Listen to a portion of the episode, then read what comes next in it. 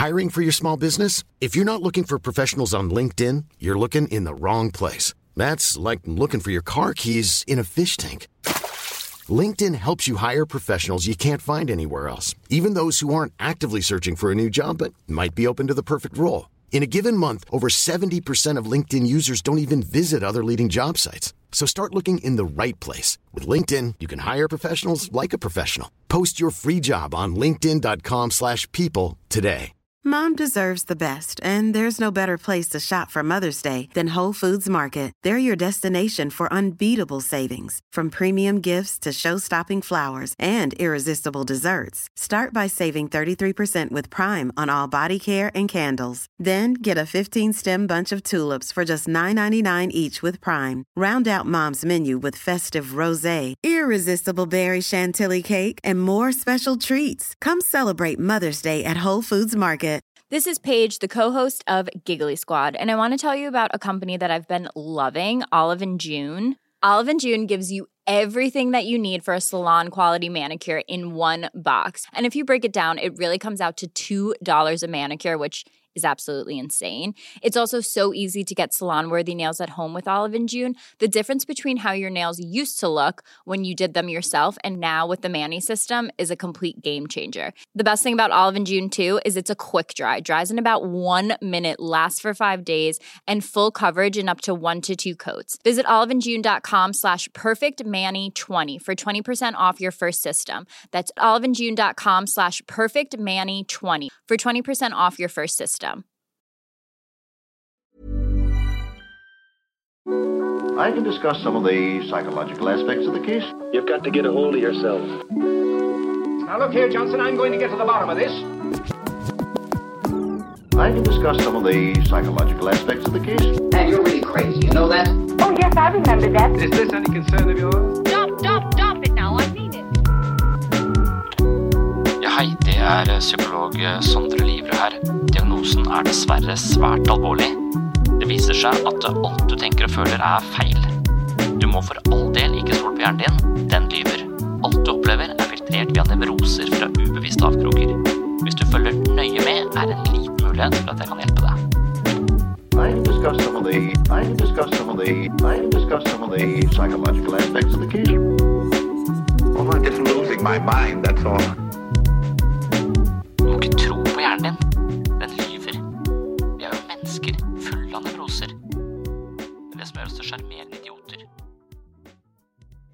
Nesten alle samfunn på jorda har vært organisert gjennom et slags hierarki fra det gamle Egypt til det moderne Norge. Du kan med rimelighet hevde at status er uunngåelig, rett og slett en naturlig del av livet. Men er det naturlig å være like stressa som vi er i dag vedrørende vår posisjon på den sosiale rangstigen? Det er spørsmålet i dagens episode. Med andre ord har vi alltid hatt så presserende statusangst. Ifølge boken til Alain Diboutot, som rett og slett heter Statusangst, er det et forholdsvis nytt fenomen at frykten for å underprestere er så høy som i dag. Denne frykten er drevet av en rekke faktorer, inkludert sosial isolasjon og meritokrati. Selv om vi er mer materielt avanserte og bemidla enn noen gang, er vi absolutt ikke lykkeligere. Hva driver mennesker til å tjene mer penger og akkumulere mer og mer gods og gull? Den mest nærliggende forklaringen er kanskje grådighet, men den påstanden holder ikke mål. Dersom grådighet var den eneste faktoren, er spørsmålet hvorfor noen fortsetter å tilkjempe seg enda mer, selv etter at de har så mye penger at det vil ta minst fem generasjoner å bruke dem opp. Hvis mennesker tilstreber å tjene mer og mer av materielle årsaker alene, som muligheten for å kjøpe flere biler og et større hus, vil de til sist ha alt, og det vil ikke være mer å kjøpe, og da vil vel kampen om enda mer penger avta. Men verden er full av eksempler på mennesker som har alt, men likevel fortsetter å jobbe hardt for å skaffe seg enda mer. Og hvorfor er det sånn? Alain Diboutot foreslår at den evinnelige kampen om mer gods og gull handler om kampen for status. Vi behandler de med høy status på en helt annen måte enn de som står lavere på rangstigen. De som er på toppen kaller vi for somebodies, mens de som er lenger nede er nobodies. Å være en nobody er selvfølgelig ikke mulig, men altfor ofte blir identiteten eller eksistensen til mennesker med lav status oversett eller undertrykt. Så kampen om status kan altså handle om respekt og til og med kjærlighet, men ikke nødvendigvis av den romantiske typen. Da er det neste spørsmålet hvorfor kjærlighet er så viktig, og hvor mangel på kjærlighet er så destruktivt og vondt. De fleste av oss er usikre på oss selv og vår egen verdi, og identiteten vår baserer vi i stor grad på andres oppfattelser av oss. Hvis du forteller en vits og alle ler, vil du bli betrygga i en følelse av å være morsom men dersom andre himler med øynene og snur seg vekk når du kommer, tar det ikke lang tid før du føler deg verdiløs og redd. Selvfølelsen vår er sårbar. Vi kan tenke på selvfølelsen som en heliumballong med hull. For at ballongen ikke skal gå i bakken, må den stadig fylles av helium, altså bekreftelser, kjærlighet og anerkjennelse fra andre mennesker. Uten det blir ballongen slapp og ute av stand til å sveve over bakken. Dersom man eh, ønskes velkommen på en måte som ikke virker veldig entusiastisk, eller ikke får svar på meldinger, ikke nok likes i sosiale medier osv., kan denne typen subtile signaler suge enda mer luft ut av ballongen. Derfor er det ganske naturlig at vi er engstelige med tanke på vår plass i det sosiale hierarkiet. I vår verden vil status bestemme hvor mye respekt og kjærlighet vi høster fra andre, noe som sekundært påvirker hvorvidt vi kan elske oss selv med overbevisning. Små barn får masse bekreftelser uten å gjøre noe særlig. Så lenge de ikke skriker og skråler, vil de fleste dulle med små barn i kraft av deres bedårende vesen. Etter hvert som vi blir eldre, vil vår sosiale krets inkludere mennesker som ikke respekterer oss kun i kraft av vår eksistens, altså mennesker som ikke nærer en ubetinga respekt og kjærlighet for oss. Isteden må vi gjøre oss fortjent til respekt og anerkjennelse. Og ganske ofte er det de menneskene som vi ønsker å imponere, de menneskene som også agerer litt som selvsentrerte snobber. Og ordet snobb det er ganske sentralt i denne boka til Alain Diboutin, som altså heter Statusangst. Han går litt sånn etymologisk til verks og forteller oss hva en snobb er, og poenget hans er altså at eh, veldig ofte så søker vi bekreftelse og anerkjennelse, altså helium i ballongen vår, via mennesker vi anser som eh, viktige, mens de menneskene ofte da er noen snobber. Så ordet snobb det har også vært med oss eh, i lang tid, det kan spores tilbake til begynnelsen av 1800-tallet i England. Det var eh, universitetene i Oxford og Cambridge som begynte å skrive sin nobilité, som betyr without nobility eller uten adel, foran navnene til de elevene som ikke hadde en aristokratisk herkomst. Over tid har meningen forandret seg omtrent til det motsatte. Så først så brukte man altså denne, dette lille prefikset foran navna til de elevene som ikke hadde noe sånn adelig bakgrunn, sin nobilitet uten eh, adel, men senere så har ordet fått den motsatte betydningen. Så i dag bruker man ikke ordet snobb om eh, noen som mangler adelig blod i årene, men om mennesker som ser ned på mennesker som mangler tilstrekkelig status. Snobber insisterer på at en persons sosiale rangering er ekvivalent til personens verdi som menneske. Problemet med en snobb er at vedkommende vurderer din verdi som menneske ut ifra eksterne markører for suksess og anerkjennelse. Man kan være veldig klok, belest, tålmodig, hjertelig, varm, empatisk eller morsom, men hvis man ikke har et eh, diplom fra et eh, populært universitet, en eksklusiv jobbtittel eller andre synlige symboler på suksess, vil en snobb underkjenne deg og din verdi fullstendig. Hvis eh, snobberi er så moralsk forkastelig som det fremgår her, er spørsmålet hvorfor har det fremdeles en sentral plass i samfunnet? Dessverre blir snobberi forsterka gjennom media, og da kanskje spesielt sosialt media. På ethvert eh, motemagasin også så blir du møtt med blikket til en rik kjendis, og inni bladet kan du lese detaljer om personens liv. Det får deg til å tro at personens eh, siste gallakjole eller romantiske affærer faktisk er viktig informasjon. Så media den fòrer opp under denne snobberiet og denne overfladiske verdivurderingen av andre mennesker. I tillegg så er snobberi noe som går i arv fra generasjon til generasjon. Nye generasjoner blir belemra med holdningene til de eldre, og det inkluderer en forståelse av sammenhengen mellom lav status og verdiløshet. Dersom du har foreldre som idealiserer et bestemt kunstverk eller en fancy skulptur, kan det godt hende at du selv gjør en lignende investering en vakker dag. I boka om statusangst så går eh, Alain de Bottat både filosofisk og historisk eh, til verks, så han vil jo også se på hvorfor vi i dag er så innmari opptatt av eh, status, og hvorvidt dette er noe som har eskalert med tiden eller avtatt med tiden. Men hvis han ser historisk på det, så mener jo han å, spore at denne statusangsten ikke var like eh, iøynefallende, eller eh, hva skal vi si, den var ikke så til stede i eh, samfunnet før industrialisering, og derfor så gir han oss en liten forklaring på dette.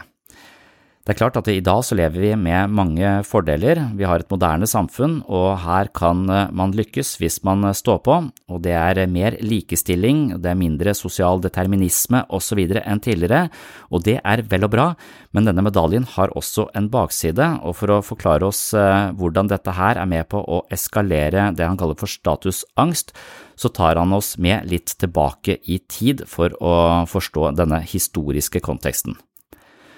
Så hvis du forsøker å liste opp eh, alle fordelene i et eh, moderne samfunn sammenlignet med for eksempel middelalderen, kan det hende at du må holde på i timevis. I tidligere tider hadde de ikke alle artefaktene som både beriker og gjør livet vårt lettere, og i tillegg måtte de bekjempe sykdommer og pandemier uten hjelp av moderne medisin og kunnskap. De rike hadde mye mer enn de fattige, og de kunne holde seg på god avstand av eh, smitten og plagene som hørte til hos eh, gjennomsnittsmennesket, eller de som da levde i fattigdom. Så de rike de eh, hadde mange privilegier, de kunne holde seg på avstand av sykdom, og de bodde i hus uten gjennomtrekk, mens bønder og de fattige de hadde masse gjennomtrekk, dårlig mat og mye sykdom. Og da kan man jo tenke at i en slik situasjon så må jo statusangsten vært på sitt aller verste. Men sånn er det ikke nødvendigvis. Så det å falle i status fra å være adelig til bonde i det samfunnet, det vil jo være helt krise, for da vil jo det være fra kaviar og stor plass i et varmt hus til eh, lite mat i ei lita hytte. Så det å være litt eh, bekymra for eh, statusen her, det ville kanskje være nærliggende, men sånn er det altså ikke, det var ikke så mye statusangst på den tida. Faktisk forholder det seg helt annerledes. Etter hvert som eh, vår materielle velstand har økt eksponentielt i løpet av de siste 2000 årene, har vår statusangst økt i samme takt. Hvorfor har vi ikke klart å oppnå større grad av mental likevekt parallelt med den drastiske økningen i komfort og velstand? Og det er det interessante spørsmålet Alain de stiller i denne boka om eh, statusangst. Før den amerikanske revolusjonen var ikke politisk, sosial eller økonomisk likestilling spesielt viktig eller anerkjent. Men etter revolusjonen begynte man å koble status til økonomiske meritter istedenfor til medfødt sosial rang. Større grad av likestilling gjorde livene til gjennomsnittsmennesket betraktelig bedre, men det førte også til en slags rastløshet. Når mennesker begynte å se muligheten for et bedre liv med visse goder, og senere nærmest forventet dette, begynte de å martres langt mer når de ikke oppnådde forventet levestandard. Den sosiale smerten økte idet de oppdaget at naboen hadde noe de selv mangla. Og da er spørsmålet hvorfor naboens status er så viktig. Og det er fordi vi, det vi anser som tilstrekkelig av noe, ikke er noe vi definerer selv, men noe som defineres i en større referanseramme. Vi trenger å sammenligne oss med andre for å vurdere hvorvidt vi selv er tilstrekkelig, velstående eller vellykka. Problemet er at både vår egen og referansegruppas standard kan være for høye, og vi levnes i en ganske miserabel posisjon som kronisk utilstrekkelige. William James var professor ved Harvard han var interessert i de psykologiske konsekvensene av miljøer med høye eller nærmest ubegrensa forventninger, og William James er jo en av psykologiens grunnfedre, og han har jeg snakka om i mange tidligere episoder her på Sinnsyn. Men i denne sammenhengen så er det altså hans interesse for eh, en kultur som stadig har høyere forventninger til levestandard og suksess, og at disse nesten ubegrensa forventningene da også får noen utilsikta konsekvenser. Så James mente at folks eh, selvfølelse kun ble skada idet de sammenligna seg med mennesker de anså som likeverdige. James ville dermed bli opprørt hvis han møtte noen som kunne mer om psykologi enn ham selv, da hans identitet som psykologiprofessor var viktig. Men siden James aldri har lært seg noe særlig om det gamle Hellas, gjorde det ham ingenting om en kollega kunne Platons symposium utenat. James foreslo at i takt med at våre målsetninger og våre aspirasjoner utvidet seg, økte potensialet for ydmykelser, skuffelser og følelsen av tilkortkommenhet. På bakgrunn av dette laget han en formel for selvfølelse. Han påsto at selvfølelse er lik suksess delt på aspirasjoner.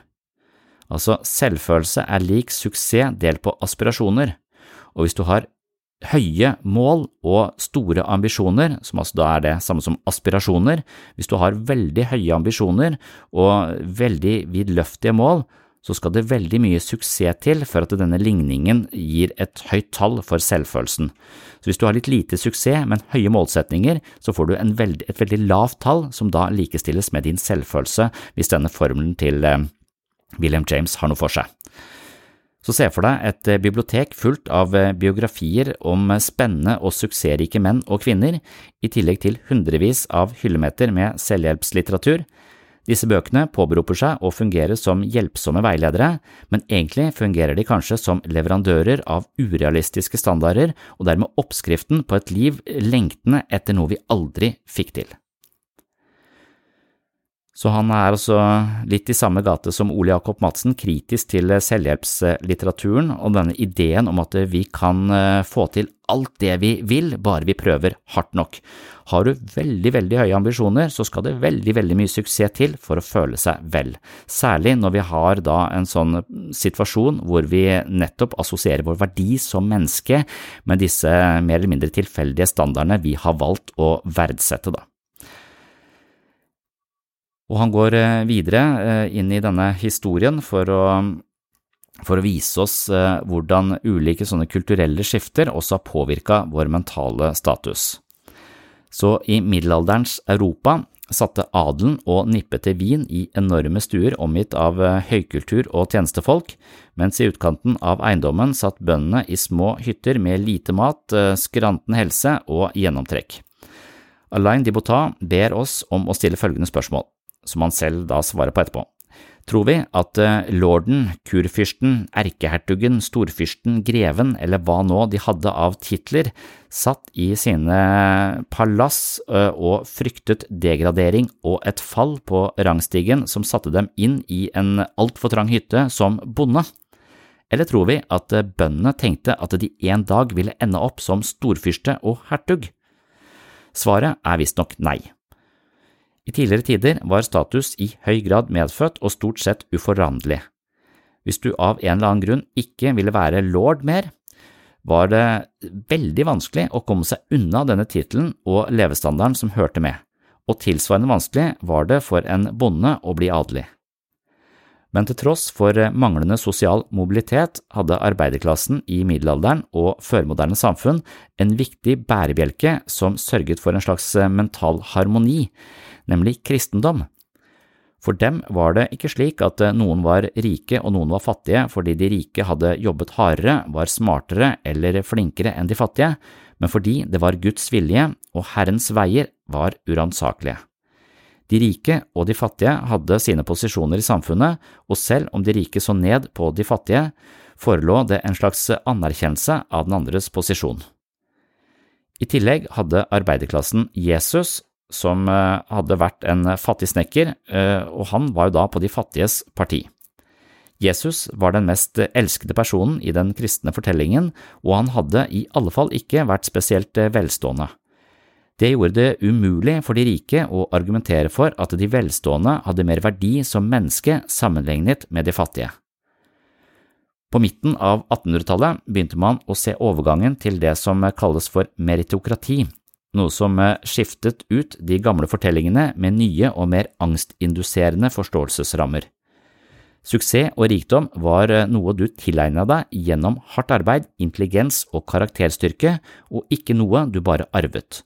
Så her går man også over etter den industrielle revolusjonen og ser på menneskers eh, situasjon som ikke noe man, man var født inn i eller noe som var en eh, del av Guds vilje, men noe som reflekterte din egen innsats, og da er vi ute i en situasjon hvor du kan du har muligheten til å stå på og foreta en form for klassereise, men eh, hvis du ikke lykkes med det, så er det altså din egen feil. Så hvis du var fattig, var du ikke bare uheldig og prøvet i kraft av Guds vilje, du fortjente faktisk den lave statusen som følge av latskap og idioti. Meritokrati har selvfølgelig sine fordeler, det tillater folk å foreta klassereiser, og man er mindre bundet av hudfarge, familieforhold, kjønn og alder, men dessverre har det også gjort det å være fattig til noe skamfullt. Det er en slags bivirkning av noe som egentlig er en viktig og ønsket samfunnsutvikling, altså mer likestilling, men etter hvert som dette meritokratiet får fotfeste og vi assosierer folks eh, velstand med deres egen innsats, så vil de menneskene som da ikke har eh, mye å rutte med og ikke er spesielt bemidla, også bli sett på som eh, noen slabbedasker, og det er rett og slett ikke en sann fortelling, men det er den fortellingen vi har i et sånt nyliberalistisk samfunn. Det var Ronald Reagan som sa at if you're poor, you're poor by choice, og det er jo en ganske Altså, han mener at alle har like muligheter, men det er rett og slett ikke sant. Altså, hvis du blir født inn i en fattig familie, så er sjansen for at du eh, vokser opp og blir spesielt eh, rik og bemidla, ganske lav. Selvfølgelig er det mulig, det er mer mulig nå enn eh, i middelalderen, men det er fortsatt eh, en kontekst du fødes inn i som er full av mer eller mindre subtile krefter som holder deg eh, i, den, eh, i det samfunnslaget du er født inn i.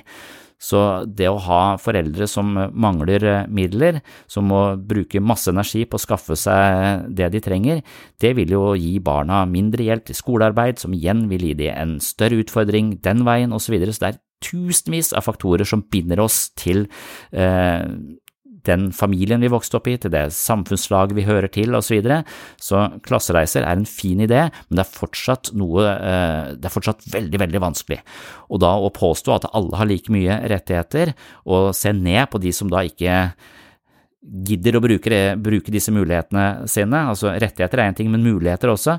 altså de, å se ned på de som ikke tar fatt på livet sitt og, og, og, reiser seg opp, og se på det som eh, latskap og idioti, det er å privatisere eh, fattigdom og eh, eventuelt da det man vil kalle lav status i enkeltindividet, og det er absolutt ikke en spesielt eh, realistisk fortelling, og den eh, kobler altså nå masse skam til det å ikke ha eh, nok penger eller ikke være spesielt bemidla, da. Alain Dipota har også noen argumenter knytta til eh, Karl Marx, um, og det starter han på den måten at han eh, påstår at på 1800-tallet var omtrent 20% av eh, arbeidsfolk ansatt hos noen andre.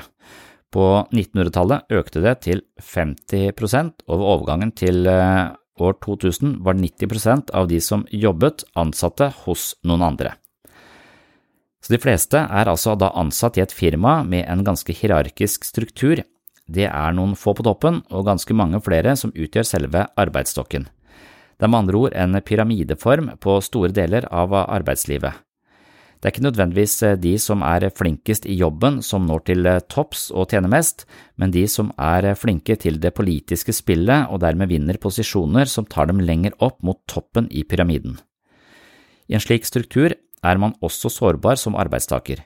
I nedgangstider må man ofte spare penger, og da er det folkene nederst i pyramiden som må gå.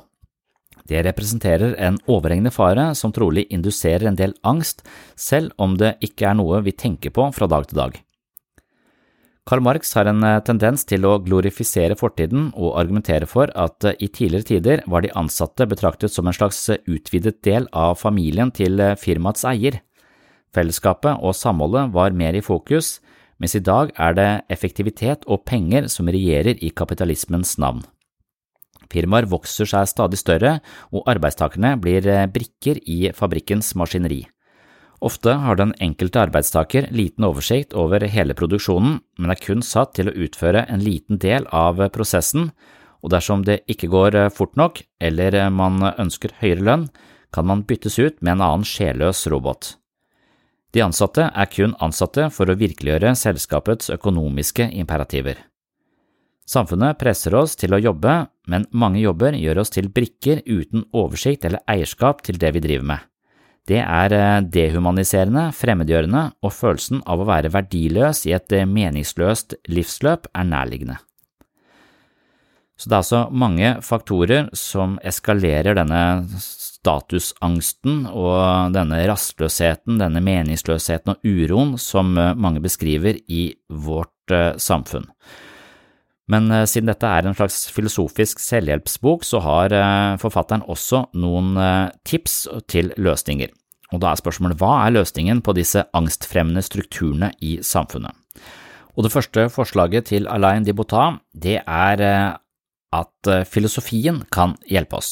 Så han mener rett og slett at filosofi er en disiplin som kan i hvert fall gjøre oss oppmerksomme på en del av disse mekanismene. Han nevner Alexander den store som møtte på filosofen Diogenes. Diogenes var kledd i filler og så ut som om han manglet det meste i livet. Alexander den store fikk sympati for den fattige og spurte om det var noe han kunne gjøre for ham. Ja, svarte Diogenes, du kan flytte deg, for du skygger for sola.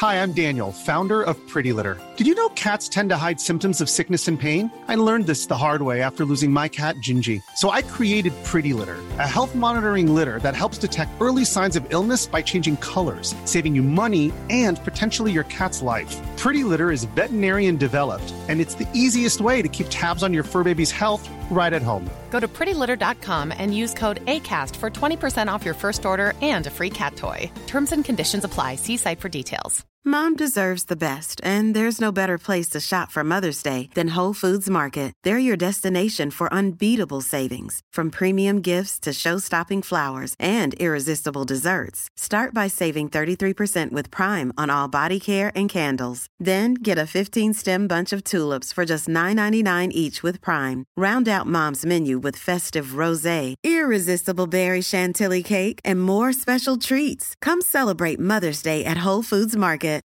Millions of people have lost weight with personalized plans from Noom, like Evan, who can't stand salads and still lost 50 pounds. Salads, generally, for most people, are the easy button, right? For me, that wasn't an option. I never really was a salad guy. That's just not who I am. But Noom worked for me. Get your personalized plan today at Noom.com. Real Noom user compensated to provide their story. In four weeks, the typical Noom user can expect to lose one to two pounds per week. Individual results may vary.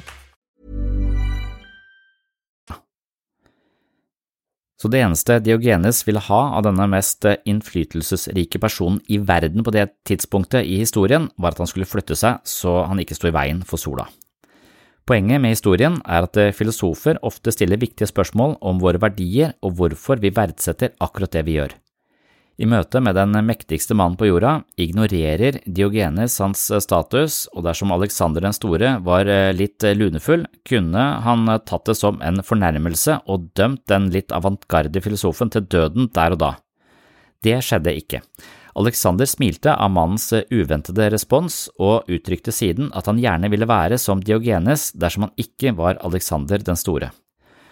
Alexander responderte med fornuft istedenfor med følelser og det er nok også et eh, viktig moment. Følelsesmessige responser kan ofte føre til uhensiktsmessige gjerninger hvis ikke de sjekkes opp mot fornuften. Alain Dipotot påstår at eh, filosofi kan hjelpe oss med statusangst i den forstand at eh, filosofien minner oss på at flertallets synspunkter og perspektiver kan være forstyrra av en rekke faktorer.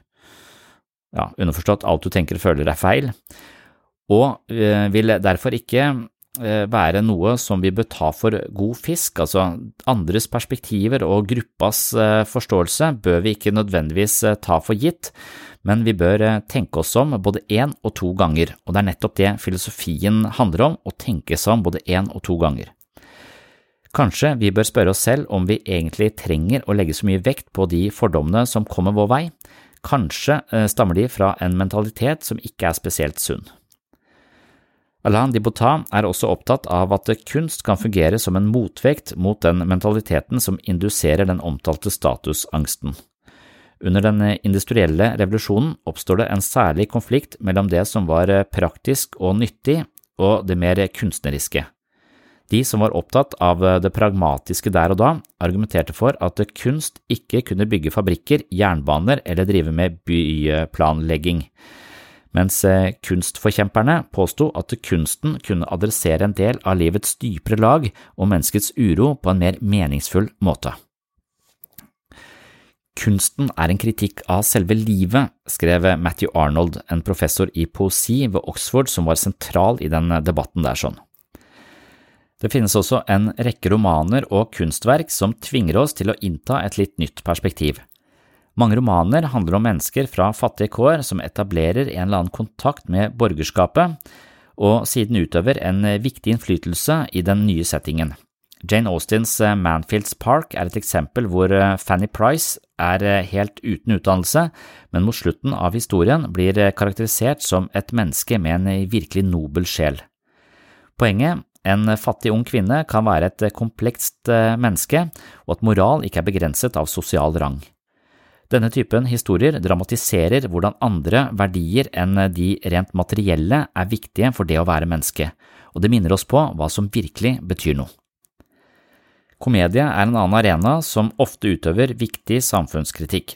Den foreslår nye veier der vi er vant til å gå uten å tenke oss om, og den har en tendens til å peke på de som sitter høyt på strået på en måte som avslører viktige forskjeller og urett som begås hver eneste dag i vår verden.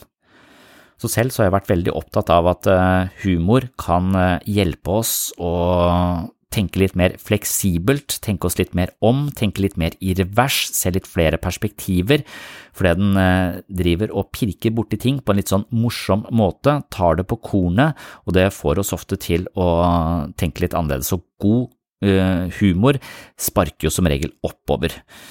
Det er eh, få humorister som har uh, hatt mye suksess med å sparke nedover, i hvert fall hvis de sparker nedover uh, uten en ironisk distanse, da. Så humor er viktig. Bare tenk på Monty Python og hvordan, denne, hvordan deres kritikk av de dogmene i religion osv. har hatt stor, stor innflytelse på på hvordan vi tenker og hvordan vi inkluderer eh, minoriteter og forstår eh, mennesker og tankegods på helt nye måter.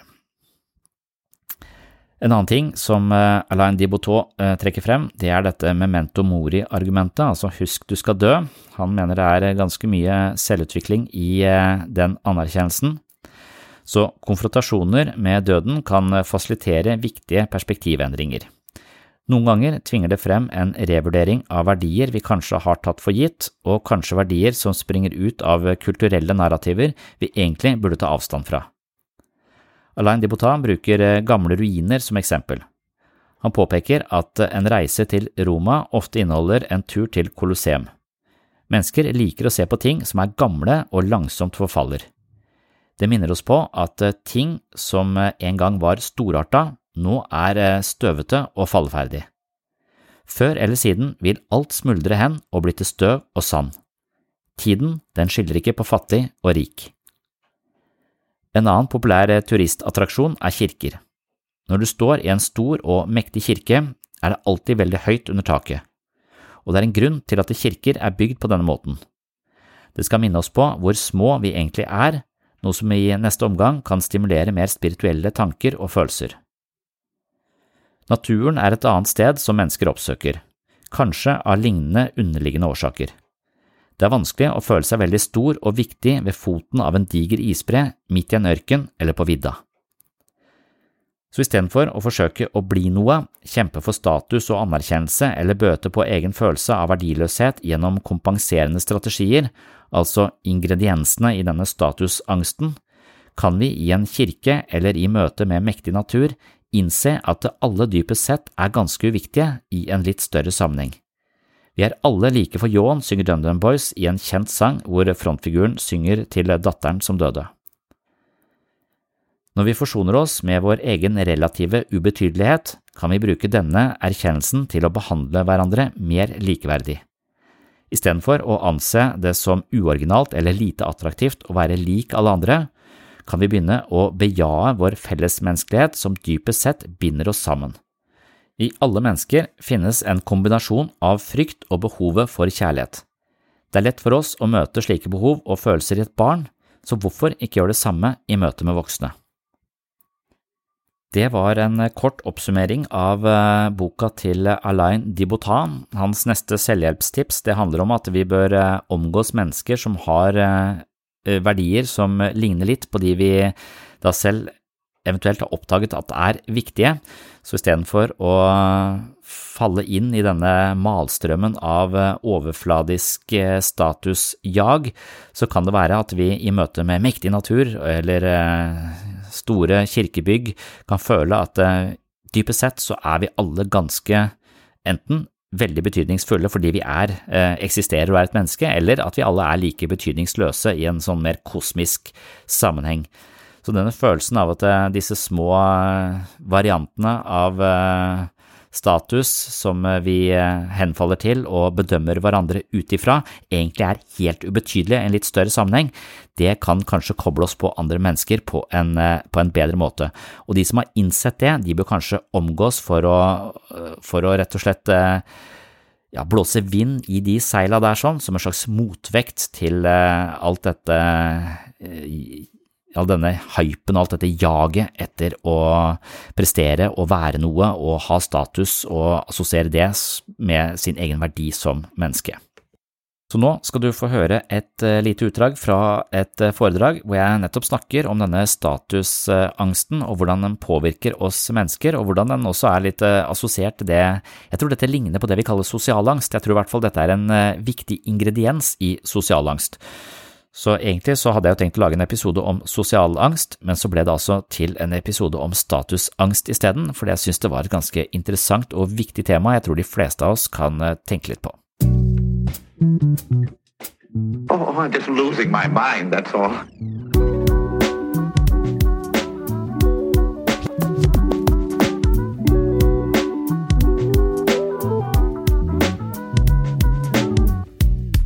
Men så er det, er, det er noe med denne at den tida vi altså, Poenget med, med, å være bonde og fattig, det var at når du var bonde og fattig, så tenkte du ikke 'Å, fy faen, jeg håper jeg blir hertug en dag'. For det var ikke en mulighet. Så du tenkte aldri tanken. Du bare innfant deg med den situasjonen du hadde. Og de som var hertuger, de tenkte ikke 'Å, faen, jeg håper ikke jeg blir bonde en dag'. For da får jeg jo gjennomtrekk og lite mat. Så de, de, det, det, var veldig Det var omtrent like vanskelig å gå vekk ifra sin adelige tittel som å bli, eh, få den tittelen når du var bonde. Så det var nesten umulig både å falle og Du var ikke redd for å falle, og du heller ikke, hadde heller ikke noen aspirasjoner og ønsker om å, om, å, om å, stige. Men når meritokratiet kommer inn, så blir dette plutselig en mulighet. Og, og da, da, er det sånn at eh, Når vi da ser at uh, muligheten for visse goder og et bedre liv er innenfor rekkevidde, og vi begynner å ønske oss det og nærmest forvente det, så vil denne sosiale smerten ved å ikke ha det bli tilsvarende mye, mye høyere. Så idet vi ser at nå er det mulig for oss å, å, få et bedre liv, hvis jeg spiller kortene mine riktig, så blir det press også tilsvarende mye, mye, høyere, og du blir ikke fornøyd med noe av det du har. Du skal bare hele tiden videre. Da begynner det der jaget. Uh, og, og, det er fryktelig viktig for oss hva naboen har. ikke sant? Altså det, hva vi anser som nok, og hva vi anser som, uh, som passe eller bra, det er jo ikke noe vi bestemmer ut ifra våre verdier. Det er jo noe som kollektivet eh, har bestemt for oss. Altså Vi ser på hva naboen syns eh, er, bra nok, og så, prøver, og så, legger vi det som standard. Så vi får jo ekstremt mange sånne standard inn i livet vårt som kommer fra andre, andre folk. Altså det, er bare, det, er grunnen til at de setter på latter på sånne sitcoms, for at skal, det smitter. Når andre ler, så ler vi òg. Da var det morsomt, da. Eh, så du må bare putte på latter hver gang de kommer med et eller annet jævla poeng. Og så, og så ler du litt ekstra pga. du får den drahjelpen av, av, eh, gruppa. Så vi trenger da å sammenligne oss med andre for å vurdere hvorvidt vi selv er tilstrekkelig velstående eller vellykka. Og problemet er at eh, referansegruppas standarder kan være helt fucked. Og det kan våre egne standarder også være. Og, og, da er vi i en eh, litt vanskelig, vanskelig situasjon. Så Vi snakket litt om han William James, en av sånn psykologiens eh, grunnfedre. Og Han var opptatt av dette her, for han mente at eh, han lurte på om han skulle spesialisere seg. eller Han mente kanskje at han, han følte en eh, han, han, han, mener at han bare sammenligner seg med folk han ser seg likeverdig med. Sånn at, eh, sånn at hans selvfølelse den eh, ble dårligere idet han møtte mennesker som kunne mer om psykologi enn det han kunne. For det tålte han ikke, for han hadde identifisert seg som psykologiprofessor, og dermed så ville det være truende å møte andre som kunne mer om psykologi, eller ga et inntrykk av det. Men hvis han møtte en eller annen kollega som hadde lært seg symposium utenat og kunne Platon og, og var opptatt av de gamle grekerne, så spilte det ingen rolle, fordi han hadde ikke brukt brukt energi på å lære seg på å lære seg eh, gresk. Altså, så han sier også at, eh, eller han mente at vi sammenligner oss da med, med folk vi, vi, mener vi kan sammenligne oss med. Og etter hvert altså målsettingene våre og ønskene våre øker, så blir også potensialet for ydmykelse desto større. Ydmykelse eller skuffelse eller eh, følelse av tilkortkommenhet. Så han setter opp en formel for selvfølelse. Han sier at selvfølelse er lik suksess delt på aspirasjoner. Aspirasjoner er da disse ønskene, målsetningene, hva vi tenker vi kan. Jo mer og større målsetninger og større ambisjoner du har, jo større må suksessen være for at du skal få en god selvfølelse. Hvis du har lave krav og lave standarder, så skal det ikke mye suksess til før du får en veldig god selvfølelse. Så selvfølelse fungerer på denne, på denne formelen. Eh, så jo større ambisjoner vi har, jo større risiko har vi, har vi også. Så da vil jo sånn han ser det, være svært lurt for livskvaliteten vår å senke standarden dramatisk og, og være litt mindre ambisiøse. For da skal det ikke mye suksess til for denne ligningen, altså suksess delt på aspirasjoner. Hvis du har én i suksess og 1000 i, eh, i, ambisjoner, så blir det tallet på selvfølelsen din veldig, veldig lavt. Nei, jeg får toppskatt og eh, skatt sånn så mye proporsjonalt med hvor mye folk eh, tjener. Så tjener du mye, skatt sjukt mye. Sånn at du får like mye rytme som eh, alle andre. Og hvis du ikke tjener så mye, ikke skatt i det hele tatt. Nei, jeg, jeg syns det burde være rett og rimelig. Hvis jeg tjener mye, så, så syns jeg jeg skal gi mye tilbake igjen, sånn at vi utligner de eh, forskjellene. Så det er helt eh, totalt logisk, liksom. Og, og, og, jo mer forskjeller det blir, jo større konflikt tror jeg vi får, og jo mer jag får vi. Så jeg tror det går utover helsa til alle. Enten du er på den ene eller den andre siden. Så jeg er for en sånn progressiv skatte... Eh, ja, at, at, man, at, man, skatter folk etter Jeg mener til og med at det, det der bompengeringen ha så jævla mange bompengeringer du, eh, du, klarer å sette opp for min del, sånn at du kan eh, spare det miljøet. Men ta også og få inn ligninga på skiltet til de folka som kjører gjennom den bompengeringen. Og hvis du ikke har noe særlig å rutte med, så skal du kjøre gratis gjennom der. Men hvis du har 1-2 millioner i året, så skal du betale 600 kroner hver gang du kjører gjennom. Og, og ligninga di skal ligge i det jævla skiltet på, på bilen din. Det, det syns jeg hadde vært eh, eh, innafor. Men når disse sammenligningsmekanismene er så sterke hos oss mennesker, og vi hele tiden ser til naboene, vi ser til andre, og hvis de har heva standarden, så må vi også heve standarden. Og hvis vi ikke klarer det, så er det vår egen feil. Så, så hele den mekanismen der sånn, den, den, er så destruktiv og så slitsom uh, for oss. Den ødelegger jo alle. Den ødelegger også de som er der, for de, de kjenner noen som er rikere enn seg igjen, så de vil også bare fortsette det jævla jaget. Så jo, vi kommer jo ikke noe godt ut av dette her. Vi får bare denne statusangsten i bøtter og spann. Nei, man, man, skal hele tiden videre. Så det var jævla urettferdig med det der adel- og bondeopplegget, egentlig. For det, da, da, var det jo låst. Det, er litt sånn, det finnes sånne kastesystemer rundt omkring i, i verden også som er ganske sånn fucked up. Uh, så, så det, vi, meritokratiet er jo en slags forbedring, men så har det denne forferdelige ulempen her. sånn da. Så du kan jo si, hvis du, hvis du jobber på en, en, jobb som folk anser som ikke er spesielt eh, attraktiv, f.eks. å jobbe på butikk, eller, eller noe sånt, som, hvis folk tenker at det ikke er attraktivt, da, og du får disse spørsmålene, så kan du si at du har knekt koden til William James, som sier selvfølelse er lik suksess delt på aspirasjoner. Så jeg har valgt å ha veldig lave aspirasjoner for et jævla godt liv. Hvis du, din idiot, har jævlig falske målsettinger, veldig lite suksess og føler helt ræva. Meg derimot. Så, så du, kan jo, du, kan jo, kjøre denne formelen i trynet på folk. og, og, forklare dem at du har skjønt livet, liksom, eh, på en, på en annen måte. Det er veldig, veldig interessant hvis man begynte med det. men, men, det der med eh, å gjøre penger oss lykkelige, eh, det er jo en litt sånn um, sketchy historie. For, For eh, folk liker, og vi har sagt det her flere ganger, at hva er lykke? Lykke er 750 000, har vi, har vi påstått. Altså at, for det er det forskningen til Daniel Kahneman sier, at hvis du tjener 750 000, så er det, det er perfekt. Altså Hvis du tjener mer enn det, så har du jaga litt for mye. Du, du, trenger det ikke. Hvis du tjener mindre enn det, så kan du komme litt til kort. Så det, det er, Da lever du veldig, veldig, eh, veldig bra. Altså det, er, det det mest lykkelige summen å tjene, da. Men, men, slutten på denne historien er sånn at eh, Ok, så sier vi at eh, de som Hvordan vet vi at mer penger ikke fører til mer lykke? Og det har man fra sånne studier hvor man går rett inn i livet til folk og spør hvordan har du det nå, og hva gjør du? Og så ranker man, man hvor, hvor, bra man har det, og så kobler man det til hva man holder på med akkurat da. Og det er da man sier at ja, penger gjør deg ikke lykkelig. For alle som, eh, som, er eh, rike, de rapporterer ikke at det er pengene som gjør deg lykkelig. Det er fordi at de er sammen med familie, de gjør ting som er meningsfullt. De gjør, det, har, det, er ofte relasjoner det er knytta til meningen. Og de trenger ikke å være eh, på en måte, Du trenger ikke å være steinrik for å ha gode relasjoner. sånn at det, Derfor så skal ikke pengene spille noen rolle. Men Daniel Kahnmann skiller også mellom det, det, det opplevelsesselve og det narrative selve.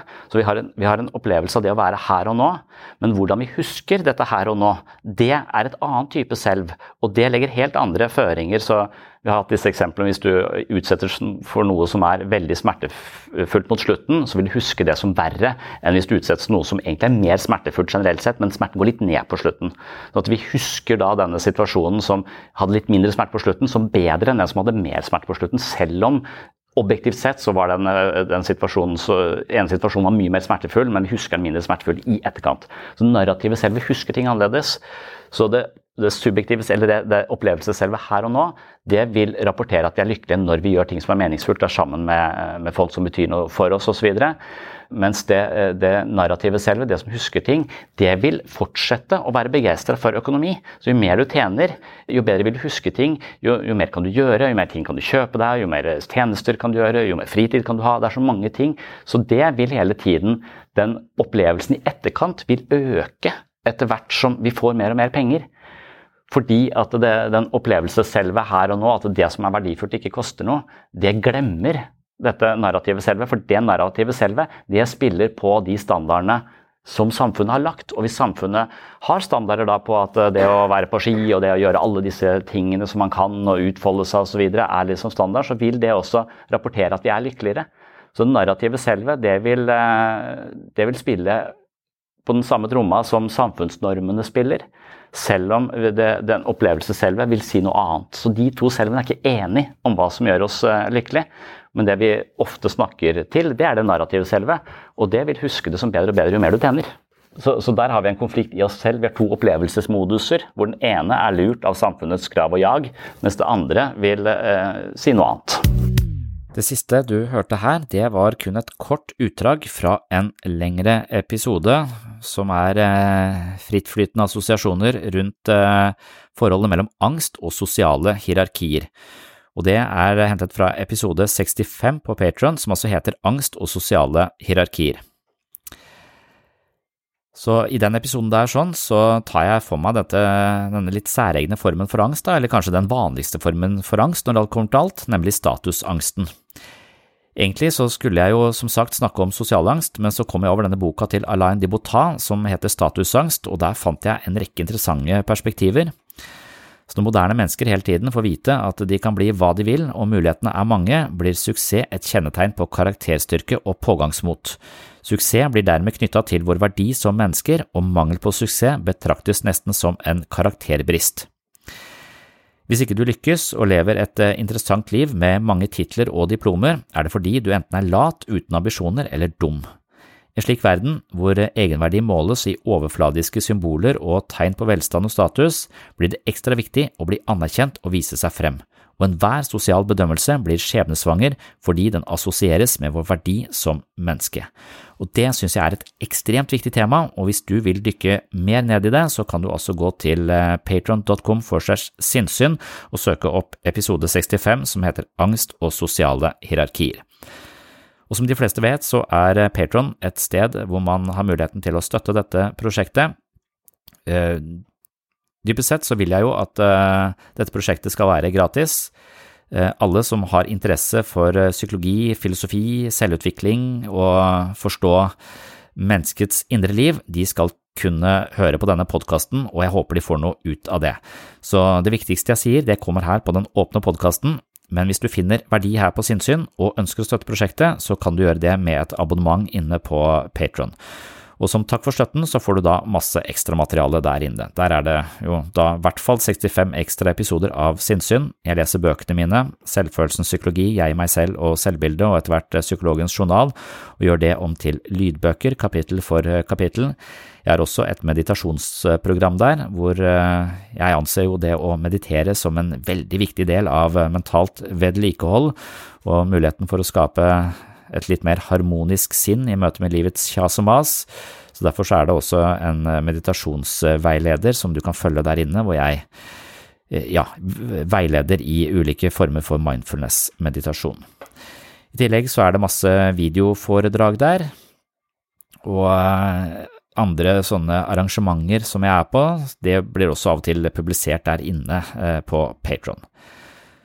Så hvis du vil ha mer sinnssyn hver måned og vil støtte prosjektet, så er patron.com for seg sinnssyn sted å gå. Det var det jeg hadde for eh, denne gang. Takk for følget, og på gjenhør. Oh, I'm just losing my mind, that's all.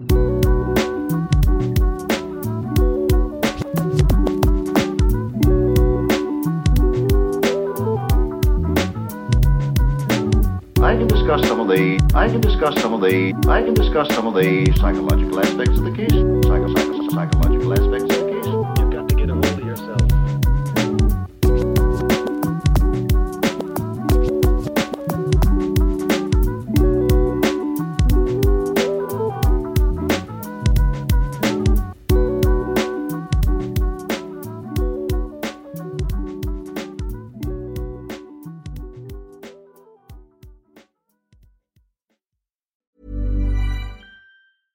Normally, being a little extra might be a bit much, but not when it comes to healthcare. That's why United Healthcare's Health Protector Guard fixed indemnity insurance plans, underwritten by Golden Rule Insurance Company, supplement your primary plan so you manage out of pocket costs. Learn more at uh1.com. Mom deserves the best, and there's no better place to shop for Mother's Day than Whole Foods Market. They're your destination for unbeatable savings, from premium gifts to show-stopping flowers and irresistible desserts. Start by saving 33% with Prime on all body care and candles. Then get a 15-stem bunch of tulips for just $9.99 each with Prime. Round out Mom's menu with festive rosé, irresistible berry chantilly cake, and more special treats. Come celebrate Mother's Day at Whole Foods Market. Planning for your next trip?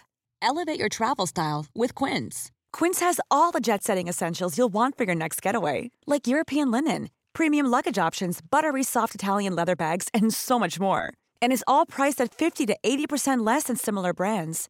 Plus, Quince only works with factories that use safe and ethical manufacturing practices. Pack your bags with high-quality essentials you'll be wearing for vacations to come with Quince. Go to quince.com slash pack for free shipping and 365-day returns.